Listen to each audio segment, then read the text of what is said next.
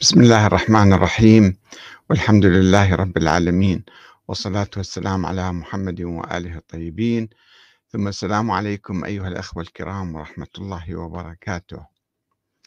دور الخمس في إحكام طوق الفساد والخرافة والطائفية حول الشيعة.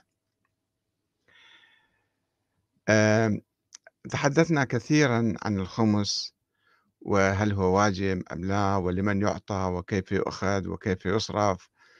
آه، ولكن آه، أود التحدث اليوم آه، حول تصريح الشيخ واثق الشمري الشجاع. الشيخ الشجاع والتصريح الشجاع في الحقيقة حول يعني التلاعب بالخمس بين الوكلاء وكلاء المرجعية. فقط أعطيكم لقطة من تصريحه ثم نتحدث عن هذا الموضوع. عن دور الخمس التخريبي الإفسادي في المجتمع الشيعي في الحقيقة. لنستمع إليه وهو يتحدث. ويقر بذنبه ويريد يصحح ضميره. فللخلاص من عذاب الضمير إخوتي الكرام أعتذر لكم بأنني كنت حرامي. وسارق ولص بطريقة خسيسة جدا.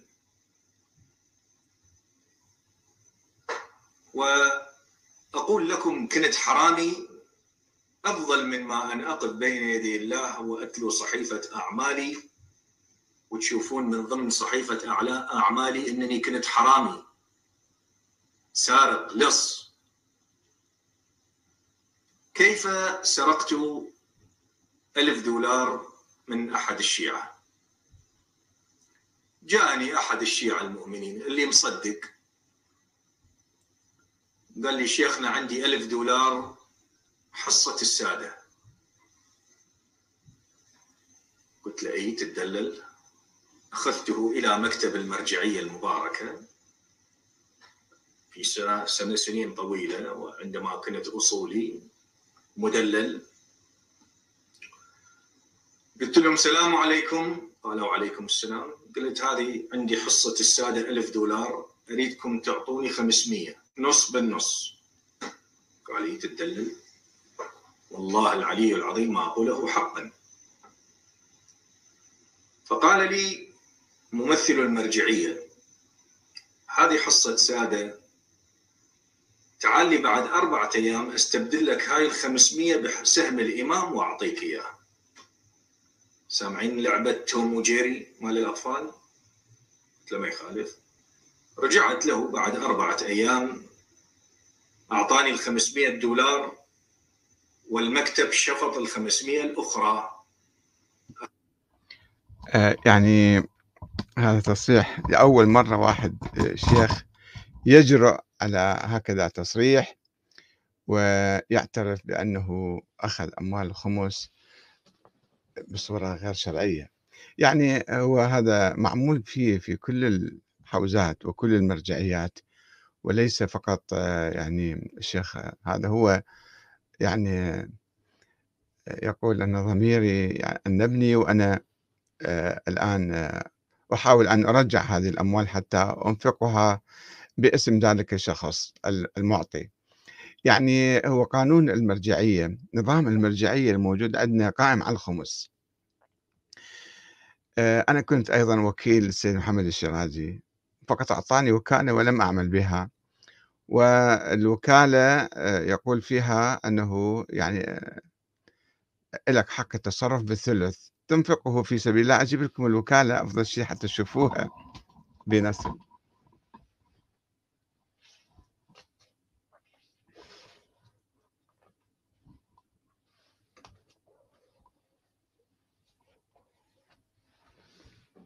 نعم. هذه آه، وكالتي بخط السيد محمد الشيرازي. بخط السيد محمد الشيرازي وهي في غلاف الغلاف الأخير لهذا الكتاب المرجعية الدينية الشيعية وآفاق التطور. الإمام السيد محمد الشيرازي نموذجا. أقرأ لكم كنموذج أقرأ لكم هذه الوكالة. بسم الله الرحمن الرحيم. الحمد لله رب العالمين والصلاة والسلام على محمد وآله الطاهرين. وبعد فإن فضيلة العلامة الحاج الشيخ أحمد الكاتب دام عزه وكيل عني في تصدي الأمور الحسبية وقبض الحقوق الشرعية خاصة سهم الإمام عليه السلام وصرفه وصرفه إلى مقدار الثلث في المصارف المقررة وإيصال البقية إلينا والمرجو منه أن يهتم لنشر الإسلام وهداية الأنام ويتصدى للأمور الشرعية بكمال الاحتياط الذي هو سبيل النجاة. والله الموفق المستعان. محمد الشراجي هذا توقيعه وهذا نفس الكلام. آه، يعني عمليا الوكلاء آه، يعطوهم حصة من آه، الأخماس والزكوات اللي يجيبوها للمراجع. أما ما يحدث بعد ذلك يعني هنا السيد الشرازي يقول مثلا صرفها في الموارد الحزبية والأعمال الخيرية وطبعا حصة الشيخ اللي ياخذ الخمس يعني ما في حساب كتاب إنه وين وداه وين جابه كذا ما في هيك شيء هذا. إذا واحد هو مؤمن متقي ورع وأنا أعرف كان عندنا أستاذ السيد محمد علي الطباطبائي رحمة الله عليه. كان عايش في فترة طويلة كان عايش في السيدة زينب. آه هذا كان يقتر على أهله وتجي فلوس مثلا أخماس زكوات ويوزعها على الناس. الله يرحمه. أنا دخلت في بيته مرة شفت بيته يعني خاوي من كل شيء. آه وهو يعني مثل هذا الشخص شخص مخلص يعني مؤمن ما ياخذ الفلوس إلا يدخلها بجيبه بس كثير من المشايخ لا نقول كلهم الآن آه، يعني هو آه، ياخذ ورقة يوصل الفلوس مثل ما كان الشيخ واثق الشمري يقول أن جبت الفلوس نص لك نص إلي. أخذ نص الفلوس ونزلها بجيبه لذلك هو يعتبرها هذه مثلا سرقة صارت من أموال الناس. آه، المشكلة لا تتوقف هنا فقط. يعني طبعا ماكو محاسبة المراجع ما عندهم دفتر حساب وكتاب والوارد والصادر وش قد دخلنا وش قد طلع من عندنا.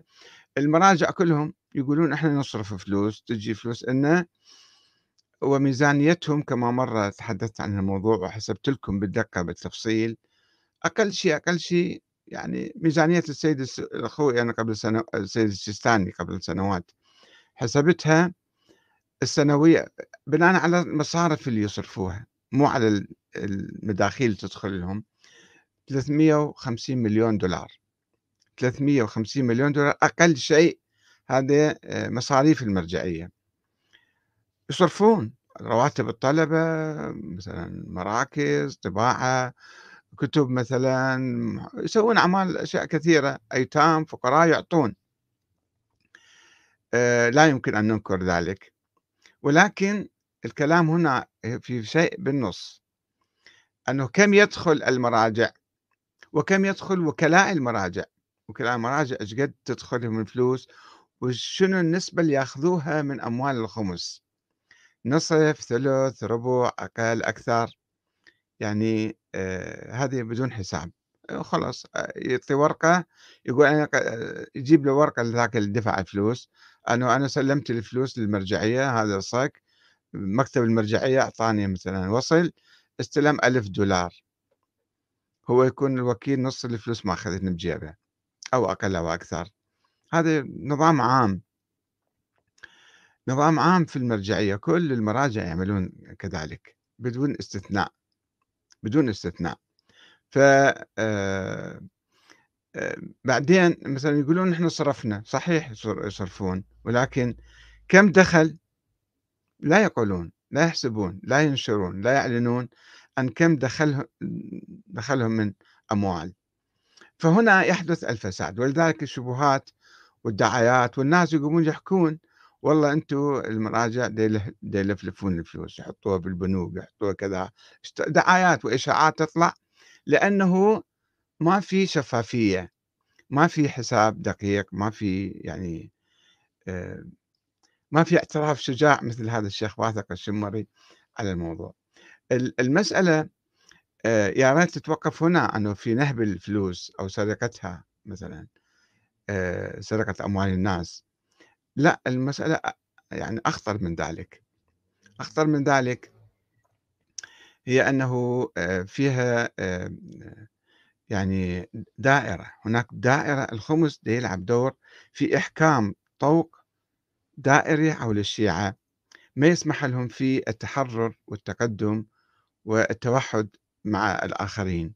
يعني إحنا الآن صايرين طائفة شيعية منعزلة. منعزلة عن المسلمين وعندنا أفكارنا وعندنا قضايانا وعندنا تعاليمنا الخاصة. آه، شنو عندنا؟ عندنا المرجعية. المرجعية على أساس هي قيادة الشيعة وكل مراجع عديدون مو مرجع واحد كل واحد يقول لك أنا نفس الخط هم كلهم آه، هؤلاء المراجع يعني آه، كيف يصيرون المراجع؟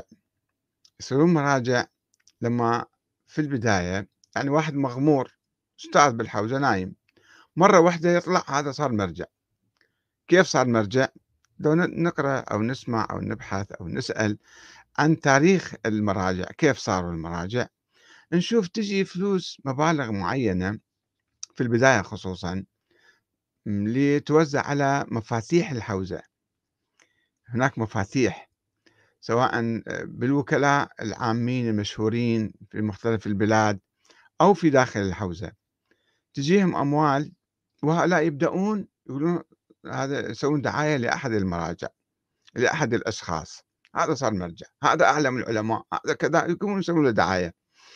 لأنه حصلوا فلوس ويسووا له دعاية الدعاية بعدين تجيب لهم فلوس. هذا لما يصير مرجع أعلى بس يطلع اسمه وأول شيء يوزع راتب بالحوزة. بعد وفاة المرجع السابق يجي المرجع الجديد يوزع الراتب اللي كان يوزعه المرجع السابق. طلبة الحوزة والوكلاء والعلماء في مختلف البلاد هم تجيهم سهمية وحصة يشوفون والله هذا وزع مثلا 100 دولار نفترض بالشهر.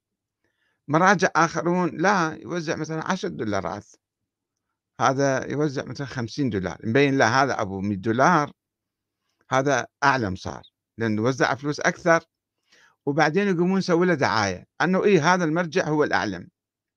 دائرة تصير. هذا المرجع هو الأعلم. هو الأكفأ هو الأعلم يقوم يسوي له دعاية. ويأخذون خمس من الناس ويودوها لهذا المرجع ويأخذون وكالات من عنده.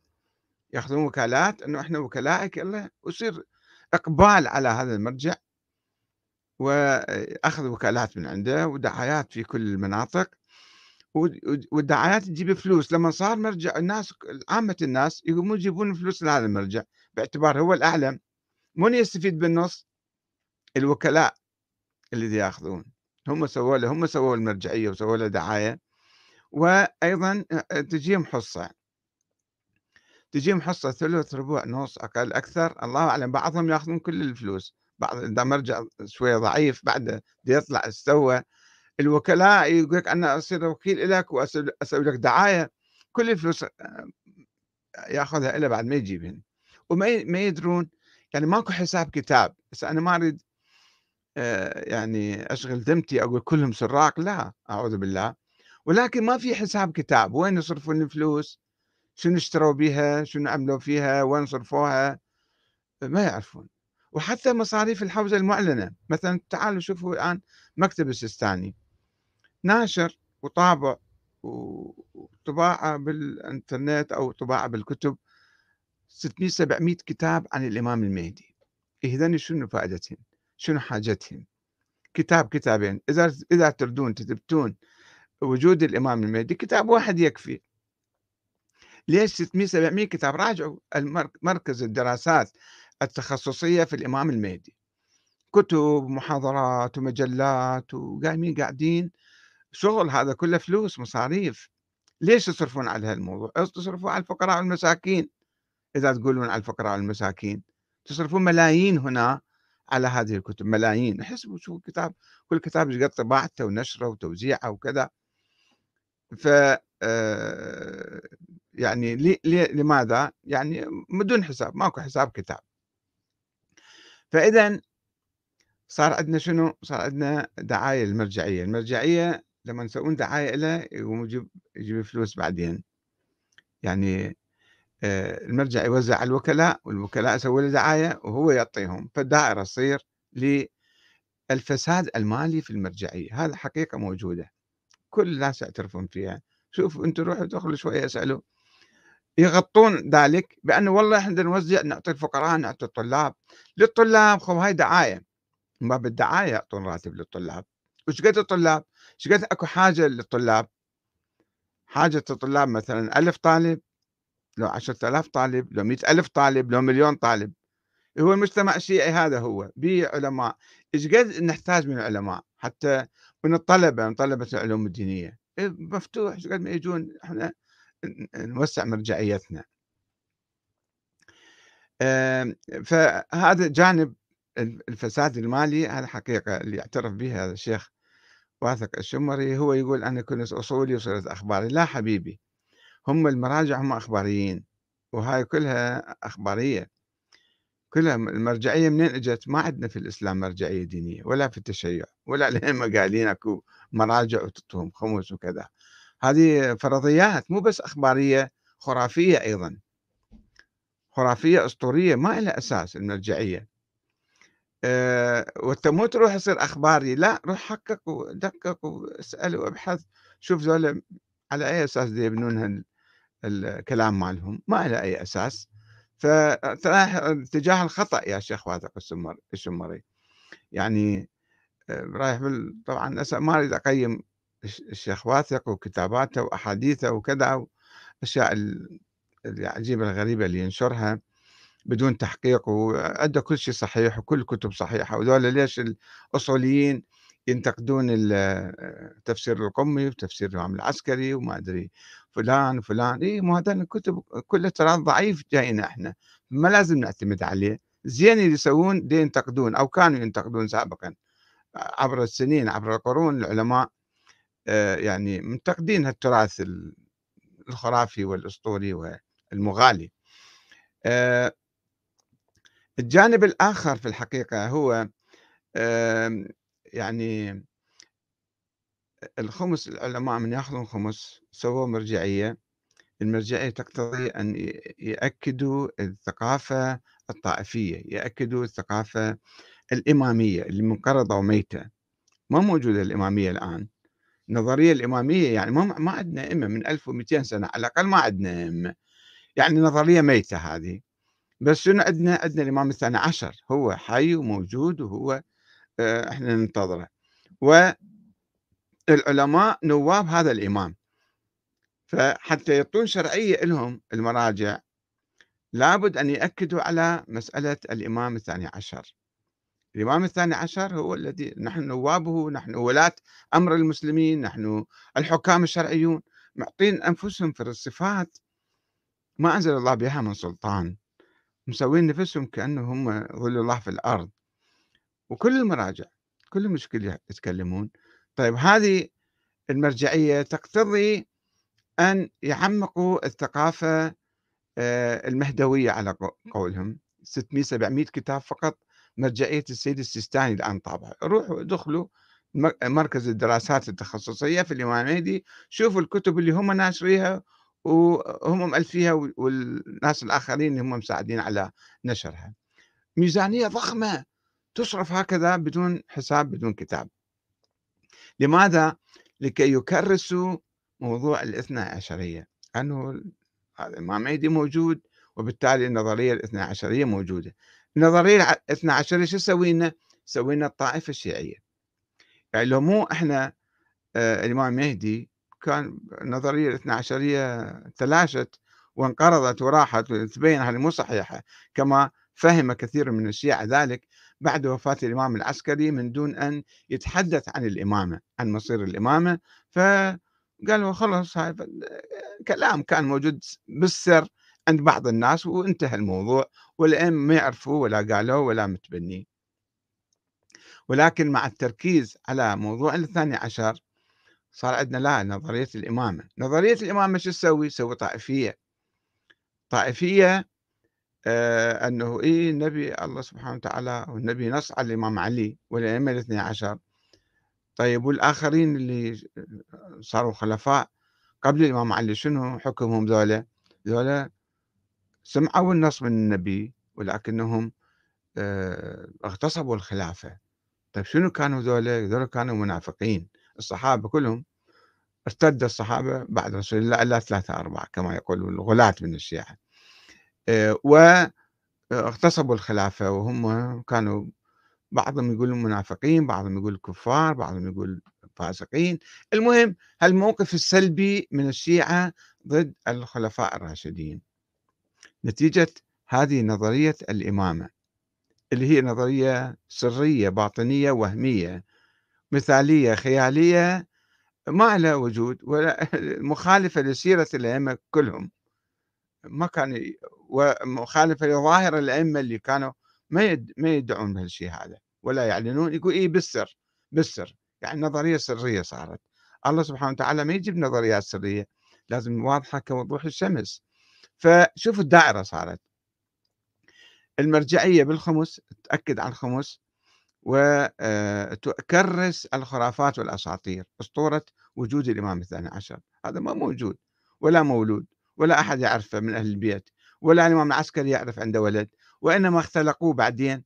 اختلقوه العباسيون والبويهيون في ظروف خاصة في مقابل الإسماعيلية اللي أقاموا الدولة الفاطمية. الشيعة الإمامية اللي هم كانوا يدعون الإمامة أيضا وكان في صراع بين الفاطميين وبين العباسيين فاختلقوا هذا الثاني عشر فرضية وهمية اختلقوها حتى آه، يعني يسوون في المذهب جديد في مقابل ذاك المذهب. مذهب شيعي مقابل مذهب شيعي آخر. فصار عندنا طائفية. الآن عندنا مشكلة طائفية. اليوم كنت أستمع للسيد علاء الموسوي. رئيس الوقف الشيعي بالحقيقة. مع الأسف الشديد كان يتحدث عن الإمام المهدي وناشرين آه، اليوم الفيديو مالته آه، آه، ويتحدث عن الإمام المهدي وأنه لازم إحنا نؤمن به والآخرين ما يؤمنون واللي ما يؤمن بالإمام المهدي هذا أعماله كلها باطلة. والله يضرب يضرب أعماله في وجهه حتى لو صلى وصام وخمس وزكى وراح للحج أعماله ما تسوى في ولا شيء هذه. والله ما يقبل من عند الأعمال. هذا تكريس للطائفية هذا مسؤول. السيد علاء الموسوي آه، هو رجل شبه نائب وزير أو وزير يعتبروا يعني وكيل وزير. وزارة الأوقاف بالعراق قسموها بعد الاحتلال إلى أوقاف سنية وأوقاف شيعية. طيب رئيس الوقف الشيعي يجي يتكلم بهالصورة هاي. يعتبر بقية المسلمين ما يؤمنون بهذا الإمام المهدي. هذول أعمالهم كلها باطلة. وبعضهم كان يصرح أن هذول يروحون للنار. يعني أعمالهم باطلة يعني شنو معناته؟ ذاك الشيخ الأيرواني نفس الشيء يقول مرشح المرجعية القادم يقول أن هذول أعمالهم الله ما يقبلها وإذا ما عنده ولاية أعماله كلها لو جاء ملء الأرض ذهبا ما تفيده هذا الفكر الطائفي اللي يشكك بإيمان وإسلام وأعمال بقية المسلمين وفقط إحنا اللي عملنا صحيح والله يتقبل من عندنا على أساس شنو؟ إحنا نؤمن بالإمام المهدي. من ما يجيب لك حديث يقول لك هذا متواتر من مات وليس في عنقه بيعة مات ميتة جاهلية وإحنا عندنا الإمام المهدي طيب وين هذا الإمام المهدي اللي لازم نطيعه ونخضع له ونسمع كلامه؟ وينه؟ ما موجود. يعني كلام خرافي أي طفل صغير يمكن يفتهم الكلام. أنه شنو هالكلام هذا؟ شنو هالإمام اللي ما موجود ونقول هذا إمام؟ وما عنده أي دور في حياتنا ولازم إحنا نخضع له ونطيعه ونسمع كلامه شلون يعني؟ فشوفوا هذا يعني يكرس الفكر الخرافي. ليش؟ سيد علاء الموسوي رئيس الوقف الشيعي في العراق لماذا يصرح بهذا التصريح لأنه يحافظ على الطائفة يحافظ على المرجعية أيضا. إذا قال الإمام مهدي ما موجود وجاء اعترف قال والله صحيح شفنا درسنا قرأنا شفنا ما ماكو أي دليل على ولادة هذا الإنسان. حتى نقول أنه مستمر في الحياة إلى اليوم وسوف يظهر بعد مليون سنة مثلا. هذا ما في أي دليل هذا كلام خرافي. ما في أي أساس بالدين ما في أي أساس حتى بالتشيع. وبأحاديث أهل البيت إلا الأحاديث المزورة. الخرافية فنرجع على الخمس نشوف شلون الدائرة تصير. دائرة هذا الخمس يسوي المرجعية والمرجعية تسوي الإمام المهدي والإمام المهدي يسوي الطائفية والطائفية تجيب المرجعية وهكذا حلقة آه، طوق طوق على الشيعة من الفساد المالي. شفتوا ذول الوكلاء شلون يلعبون والمراجع؟ يلعبون بالمال. كما يشاءون بدون حساب بدون كتاب بدون رقابة بدون أي شيء. والأسوأ من السرقة المالية يا شيخ واثق اسمعني. الأسوأ من السرقة المالية هي تكريس الخرافات والأساطير والطائفية. هو الشيخ هذا الشيخ واثق لا يزال يؤمن بالإمام المهدي ودائما يأكد عليه. أنت ابحث هذا الموضوع يا شيخ واثق أنت رجل مخلص إن شاء الله وضميرك حي ولذلك اعترفت بالشجاعة أن كنت سارق ولص من أموال الخمس يعني. آه، ولكن روح ابحث أكثر تعمق أكثر ادرس أكثر حتى تعرف الفكر كله هذا فكر خرافي أسطوري ما له أساس. ولا تشبث بمنهج الأخباريين كل شيء عندك صحيح وكل شيء عندك هذا ثابت ومتواتر وكذا وبعدين أنت الفساد وين؟ أنت ضميرك احتيه بس بقية الناس ما راح يتغيرون ماشيين على نفس الخط ياخذون خمس و آه، الخمس آه، آه، وارد في آية واحدة في غنائم الحرب في بدر. وأعلم أعلم أن ما غنمتم من شيء فأن لله خمسه وللرسول ذي القربى واليتامى والمساكين. فقط هاي آية في الحرب اجت النبي ما أخذ خمس من الناس في طول حياته ولا الإمام علي ولا الإمام الحسن والحسين. فمنين اجى إجوا بعض الأئمة المتأخرين الإمام الكاظم الإمام رضا يمكن بعض الأئمة يقال أنهم أخذوا خمس والله أعلم. طيب نفس الخمس آه لما تلاشى المذهب الإمامي الموسوي آه رووا رواية التوقيع آه، إسحاق بن يعقوب اللي هي سوت المرجعية. يعني هذا هذا التوقيع اللي فيه أنه أما الحوادث الواقعة فارجعوا إلى رواة حديثنا. ارجعوا إلى رواة حديثنا أحاديث اسألوا الأحاديث عنهم. وفي نفس الرواية هذه وأما الخمس فقد أبحناه لشيعتنا في عصر غيبتنا. خلاص ماكو خمس بعد ماكو أحد تعطيه المن. من ياخذه وين يوزعوه فهاي الرواية هم يعتبروها صحيحة. ياخذون نصفها نصف الرواية ما يتعلق بالمرجعية يقول إحنا هذا الإمام المهدي قال علينا ارجعوا إن طيب ونص الخمس الموجود بنفس الرواية آه، يهملوه وما يأخذون به. فهذا لذلك لما اجى الشيخ المفيد لما اسسوا المذهب الاثني عشري في القرن الرابع اللي الشيخ المفيد والشيخ الطوسي والسيد المرتضى هذول إجوا قاموا يبحثون موضوع الخمس. واجب لو مو واجب؟ الشيخ المفيد يقول والله ما ندري 20 رأي أكو حول الخمس. ما نعرف شو نسوي فيه الخمس. طيب هذا السؤال الأول السؤال الثاني إذا كان واجب لمن يسلم الخمس؟ هو كل إنسان يطلع خمس مالته ويعطيه للناس الفقراء والمساكين وابن السبيل. أو لا لازم يجيبه للمرجع. ما كان عندنا مرجعية. الشيخ المفيد والشيخ الطوسي هذول ما قالوا إحنا مراجع مثل المراجع الآن موجودين. قالوا إحنا اجتهدنا. وعلى كل إنسان أن يجتهد على كل إنسان أن يجتهد ولا يجوز له التقليد. لما كان في تقليد. كانوا يحرمون التقليد. التقليد قبيح مذموم غير مبرئ للذمة. هكذا كانوا يقولون عندما أسسوا المذهب فما كان عندنا مرجعية مثل الآن روح قلد واحد وخذ الفتاوى كلها من عنده ولا تناقشه ولا تبحث وياه. لا الشيخ الطوسي كان يقول إذا أنت ما تقدر تبحث وتجتهد وتدرس اسأل المرجع اسأل الفقيه يعني واسأله عن دليله. على ماذا يفتي مثلا؟ كيف يستند؟ على ماذا يستند؟ وإذا كان في تعارض خصوصا بين الآراء اسمع لهذا واسمع لذاك وبعدين أنت أحكم بنفسك فالتقليد قبيح وحرام ومذموم. إنما رجوع للعلماء صحيح العلماء لازم تسألهم مو مثل ما الآن يشيعون يقول لك لا هو الطبيب أنت تروح للطبيب هم تسأله؟ الطبيب والمهندس والعالم الكيميائي والعالم الفلكي هذول عندهم أشياء دقيقة. أما الدين واضح صريح ما يحتاج تقليد أصلا ولا يحتاج آه، يعني كل هالكلام هذا. فإذا واحد قال لنا مثلا خاصة إذا يجي يفتينا مسائل خلاف القرآن صريح القرآن الله بالقرآن يقول صلاة الجمعة واجبة ويجيك مرجع يقول لك لا مو واجبة مستحبة مكروهة مخيرة. شو كيفك تحكي أنت؟ يقول أنا مختص بالدين وأنت تخالف القرآن. فما يجوز ما لا يجوز واحد يثق بهؤلاء الذين يدعون الاجتهاد والمرجعية ويسمع كلامهم ويقلدهم تقليد أعمى ما يقولون كلامهم صحيح. طيب فكان في كلام أنه لمن نسلم ال ال هذا الخمس إذا كان واجب.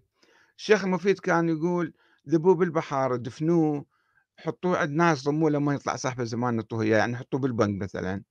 حطوه بالبنك في 100 سنة ألف سنة مليون سنة وبعدين يتكدس المال وبعدين يجي صاحب الزمان اللي ما راح يجي. كلام كله فرضي خيالي من بطنهم كانوا يفتون ويقولون ما عندهم أي دليل. آه آه، العلماء شوي شوي قالوا تطول الفقهاء باعتبارهم أعلم في موارد توزيعه. هذا أنا مفصلا استعرضت واحد واحد. عبر ألف سنة من من العلماء قال بذلك في كتابي تطور الفكر السياسي الشيعي مفصل متحدث عنه. الآن باختصار أقول لكم. ف نشأ أنه والله دول أعلم أعرف بموارد توزيعه من هالباب. مو أنه تقلدوهم وواجب تعطوهم الخمس. وإلى فترة قصيرة حتى السيد محسن الحكيم كان يقول مو واجب تعطون الخمس للمرجع أنتم روحوا وزعوه. إذا واجب وزعوه أنتم الفقراء المساكين موارد الخمس. يجوك بعض العلماء يقول لك لا. لأن شلون يسوي مرجعيته؟ والمرجعية قيادة وزعامة ومو بس يعني إدارة وكذا أبها هذه تحتاج فلوس فلازم تجيب فلوس لنا فكانوا يقولون لازم تسلم الخمس للمرجع. إلى هذا المرجع ما يصير تعطيه مرجع آخر. حتى لو كان فقيه حتى لو كان أعلم يمكن ما يصير تعطيه. إلا إلا تعطيه لأنه صارت إمبراطورية مالية. آه طيب الآن أعطينا الخمس للمرجع. الناس اللي يعطون خمس. مثل كل يعني شبه دولة. المرجعية آه صارت عندنا في ظل غيبة الإمام الثاني عشر. كان آه، كنا نقول ممنوع إقامة الدولة حرام إقامة الدولة. طيب شنو عندنا صار؟ عندنا مرجعية شبه دولة تقوم بأعمال الدولة. تأخذ خمس وتقول نوزع على الطلبة وعلى الفقراء والمساكين وأعمال الخير طيب خير إن شاء الله. في الدول في كل العالم اللي يعطي ضريبة مثلا يعطي ضريبة للدولة. لما يفتقر الدولة تعطيه الدولة تتكفله. الدولة تهتم به يعني آه، مو تنسى أقول له خلص أنا ما علي بيك. أنت طيت خمس طيت ضريبة مثلا وأنا بعد ما علي بيك. في المرجعية المراجع يأخذون خمس بس إذا هذا اللي أعطى خمس غير الفقراء العاديين وعامة الناس. هذا واحد صار عمره خمسين سنة أنا أعرف ناس حقيقة مروا بهذا الظرف في أيام التهجير تهجير صدام للشيعة بالعراق. كان يعطون خمس طول حياتهم. مرة واحدة تجار كبار كانوا في شورجة وفي بغداد وغير بغداد. مرة واحدة صدام شالهم ذبهم على الحدود بطرق الملابس مالتهم. فهذول ما حد ما اهتم فيهم. زي أنت المرجع كنت تأخذ فلوس من هذا الرجال. شوية روح الحق له أعطيه فلوس مثلا تكفل حياته. صار فقير مدقع ما حد ما اهتم فيهم فما يعطون. فما يتكفل ولا يكتبون أسماء حتى لو جمعية خيرية حتى لو جمعية خيرية مثلا واحد يدفع للجمعيه خيرية أو صندوق صندوق اجتماعي خلينا نقول. واحد يدفع يدفع يدفع لما نحتاج لازم الصندوق يعطيه أو الجمعية تعطيه أو المرجعية على الأقل تتكفل بهذا الشيء عنده حسابات كتابات منو دي يعطي خمس وش قد اعطى مثلا؟ في بريطانيا مثلا التأمين التقاعد أن واحد يدفع طول حياته هو موظف أو يشتغل عامل يدفع فلوس يدفع ياخذون حصة من الأموال كل سنة أنت تدفع هالقد إلى صندوق التقاعد. لما تتقاعد يجون الحكومة يعطوك فلوس. ما عندك شغل ما عندك عمل يعطوك يعني شيء مقابل شيء. هذا مو موجود عندنا. هذا مو موجود. العلماء ياخذون خمس؟ وما يسالون عن ذلك يعطون وإذا افتقروا يقولون في مال سكرون الباب عليهم. فهذه مشكلة في الخمس حقيقه إنه ما في تبادل فقط أخذ ويقول نعطي الفقراء. طيب هذول أولى أولى الناس ذولا. أولى من كل حتى من الطلبة. اللي يعطيك خمس لازم أنت تسجل اسمه وإذا افتقر تعطيه. آه، السيد آه، يقولون لازم نسلمه للمرجع فتاوى ونقلتها أنا وسأحطها في يعني ملحق في هذا الموضوع. فتوى للسيد السيستاني بصراحة لازم تعطي الخمس للمرجع أو وكيل المرجع وما ما يعني هذا مو مبرئ للذمة. إذا أنت رحت طول حياتك يوميا تدفع فلوس وتنفق في سبيل الله وتعطي وتوزع أكثر من الخمس. ولك هذا أنت هذا إلك هذا. الخمس لازم تعطيه للمرجع ما يصير تتصرف به أنت. ويوم أمس السيد فاضل الميلاني وكيل السيد السيستاني وإمام مسجد آه، مركز الخوئي هنا في لندن في خطبة الجمعة في عفوا في خطبة صلاة العيد باللغتين العربية والإنجليزية. خطبة بالعربية وخطبة بالإنجليزية. أصر على هذا الموضوع. أنه أنت تصرف أموال في سبيل الله هذا لك, لك أجرك وثوابك. ولكن الخمس لازم تعطيه للمرجع أو لوكيل المرجع وإذا ما أعطيته أنت محاسب هذا لازم تعطيه. ما علينا قد تنفق في سبيل الله. فما يصير. لازم تجيب الخمس للمرجعية. يقال أن السيد السيستاني في العراق خصوصا أيام التسعينات بالذات وربما حتى الآن الناس يجيبوا له خمس يقولون روحوا أعطوها أنتم أولا بإذنه هم يقولون بإذن المرجع يقدر يقول لك روح أنت انفقها. أما إذا ما تجيبه إلا وتروح تنفقه لا هذا ما يصير. هذا حرام عليك ودمتك ما تنبري ولازم أنت تجيبه للمرجع على أي أساس؟ على أي أساس؟ إيه ف وبالعراق خصوصًا وأيام الفقر وأيام أيام الحصار، يعني شنو واحد جايب له خمس مثلًا فليسات بسيطة، فهو عنده ملايين شنو قيمة هالفلوس؟ يا روح أنت أنفقهم في سبيل الله، أعطيه للمستحقين، هذا زين، ولكن الفلوس الضخمة اللي تجي من هنا وهناك لازم تجيبها والبارحة أعلن السيد فاضل ميلاني و مو فقط هذا رأيه الشخصي لا هذا رأي سيستاني مكتوب في العملية مالته. ويقول ما يجوز. ما يجوز واحد يتصرف. أه وكيل آه، السيد السيستاني اللي هو صهره أيضا سيد مرتضى الكشميري نفس الشيء يقول أنتم تعطون خمس وأنتم الممنونين يعني شنو تعطون عنا؟ يعني يسوون منا علينا؟ لا إحنا إحنا نسوي منا عليكم. عنده فيديو أيضا بإمكانكم تسمعوه. أنتم تعطون الخمس والحقوق الشرعية وهذا واجب عليكم وأنتم الممنونين. مو يعني أن تسوون فضل علينا قاعد تعطونا آه، فشوفوا هاي الدائرة. يعني اللي يهمني الدائرة الطائفية. الآن العراق مقسم طائفيا. التقسيم الطائفي من وين جاي؟ أنه إحنا الشيعة إحنا الفرقة الناجية والبقية يروحون للنار وأعمالهم مو مقبولة وباطلة وهذا دائما يصرحون بها تصريحات من الشيخ الأيرواني للسيد علاء الموسوي رئيس الوقف الشيعي. وبالانتخابات وبكل شيء يعني إحنا شيعة فقط وهذا لازم إحنا بيناتنا ندير الأمور بيناتنا. هذه الطائفية من وين جاية؟ جاية من التركيز على نظرية الإمامة الإلهية النظرية السرية المثالية الخيالية اللي متلاشية وما موجودة ومنقرضة منذ 1200 سنة. وأيضا التركيز على موضوع الإمام المهدي. الإمام المهدي شو ليش يركزون؟ ليش 700 كتاب الآن فقط المكتب السيستاني طابع وناشر ضخم 600 700 كتاب يا أخوان. وأنا شفت كتاب طالع من مكتب السيستاني قبل 20 سنة. الإمام المهدي المنتظر في الفكر الإسلامي. حقيقة كتاب شامل هذا. أنا أشوف كل الكتب معظمها يعني أشوفها. هذا أفضل كتاب وأقوى كتاب وأشمل كتاب كاتبيه يعني بعد ما في شيء آخر غيره يقولوه. اقروه أنا أنصحكم بقراءته وأنا معلق عليه.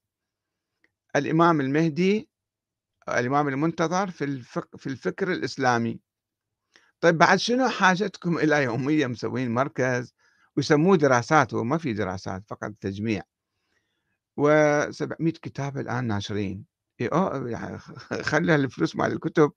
الناس اللي يشتغلون ويألفون ويكتبون ويطبعون وينشرون. ميزانية ضخمة بالملايين. أعطوها إلى الناس المستحقين أكثر. ماكو حاجة إلى هالكتب هذه. هي لو موجود لو مو موجود. هاي أدلة الوجود هذه. ماكو غيرها بعد. ما ما عندكم أدلة جديدة تثبتون بوجود الإمام المهدي. ولكن يريدون يسوون إعلام. محطات فضائية ومحاضرات وكتب يأكدون على هذا الموضوع حتى يبنون هالطائفية. الطائفية مبنية على خرافات. خرافة وأسطورة وجود الإمام المهدي وأساس النظرية هي خرافية. ما ما بها لا قرآن ولا سنة ولا أحاديث صحيحة معتبرة. وأيضا وين تصب؟ تصب في جيب المرجعية الآن. المرجعية شلون آه، تتصرف؟ وشلون هذا؟ بها الفساد المالي. فساد مالي صريح العبارة. هالوكلاء اللي يسوون دعاية للمراجع ولهذا المرجع أو ذاك وهم ياخذون آه، قسم من الفلوس بدون حساب. يمكن يصير مليونير هذا إذا جاب فلوسه هواية وأخذ ثلثها أو ربعها أو كذا. الوكيل يصير مليونير وأنا أعرف حقيقة أعرف بعض الوكلاء. عندهم مولات عندهم عندهم أشياء كثيرة يعني اسم. ما أريد أسوي موضوع شخصي. بس تعرفون أنتم الدعايات أكثر من الحقيقة ربما أيضا. والحقيقة ربما تكون أكثر من الدعايات عند بعض الناس يعني.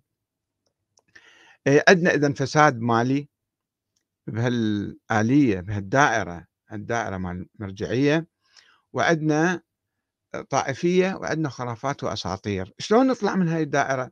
نتحرر من عندها. يعني المرجعية في ظل عدم قيام الدولة. كان عندنا سوينا نظرية مرجعية فرضية يعني هي أن هذول نواب الإمام المهدي وذول هم الحكام الشرعيون. مو الآن سوينا حكومة ديمقراطية. بعد شنو حاجتنا للمرجعية؟ حكومة ديمقراطية والرؤساء ينتخبون من الناس إما بصورة مباشرة مثل بإيران أو بصورة غير مباشرة مثل العراق. مجلس نواب ينتخب رئيس الجمهورية ورئيس الوزراء.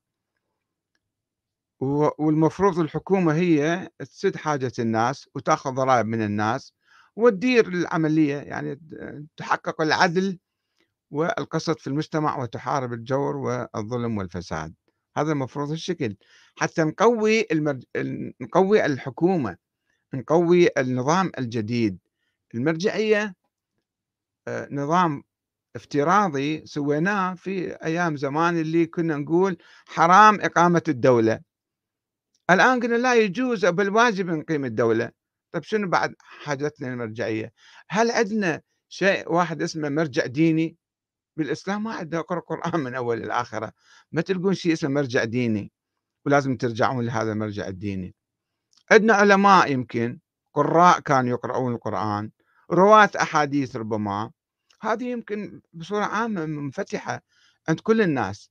بهذه الصورة إحنا ننفتح ونتوحد مع إخواننا المؤمنين من كل الطوائف ونتحرر من الدكتاتورية الدينية. المرجعية دكتاتورية دينية مسيطرين على الناس إنه إحنا نواب الإمام إحنا الحكام الشرعيون ولازم تجيبون فلوس وإذا ما جبتوا أعمالكم باطلة وصلاتكم باطلة وكل شيء يصير باطل. يخوفون الناس يخوفون الناس والناس بسطاء مساكين. يقول لك شلون إحنا إذا تروح للحج حجك يصير باطل اذا ما دافع خمس. صلاتك باطلة بيتك يصير غصب كذا ويصير غصب هذا إذا أنت ما جبت هذا غصب يعتبر. إذا تأخرت السيستاني يقول إذا تأخرت بإعطاء الخمس فصار غصب هذا. أنت أموالك صارت غصب صار بها شبهة صلاتك تصير باطلة. فكل مشكل يقولون. ف كيف نتحرر من هذه السيطرة الدكتاتورية الناعمة؟ الناعم يقول إحنا ما عندنا سلاح وما فارضين أنفسنا بالقوة. صحيح ما عندكم سلاح بس بهاي الأساطير والمقولات الخرافية مسيطرين على عقول الناس وتجبروهم على أن يعطوكم خمس وأموال ويقدسوكم ويبوسون إيديكم ورجليكم ويخضعوا لكلامكم. وأنتم شو تسوون؟ تتحالفون مع منو؟ تلعبون بالسياسة؟ تلعبون بالمال؟ بعد هذا مو مهم. هذه مشكلة عندنا. خمس يلعب الآن دور آه، خطير جدا في إفساد المجتمع الشيعي وعزله والسيطرة عليه. إحكام طوق الفساد والخرافة والطائفية على المجتمع الشيعي. نسأل الله أن نتحرر من كل هالأفكار ومن هالمرجعية ونتوجه لتعزيز نظامنا السياسي بحيث يكون أكثر عدلا وأكثر تعبيرا عن إرادة الأمة. والسلام عليكم ورحمة الله وبركاته.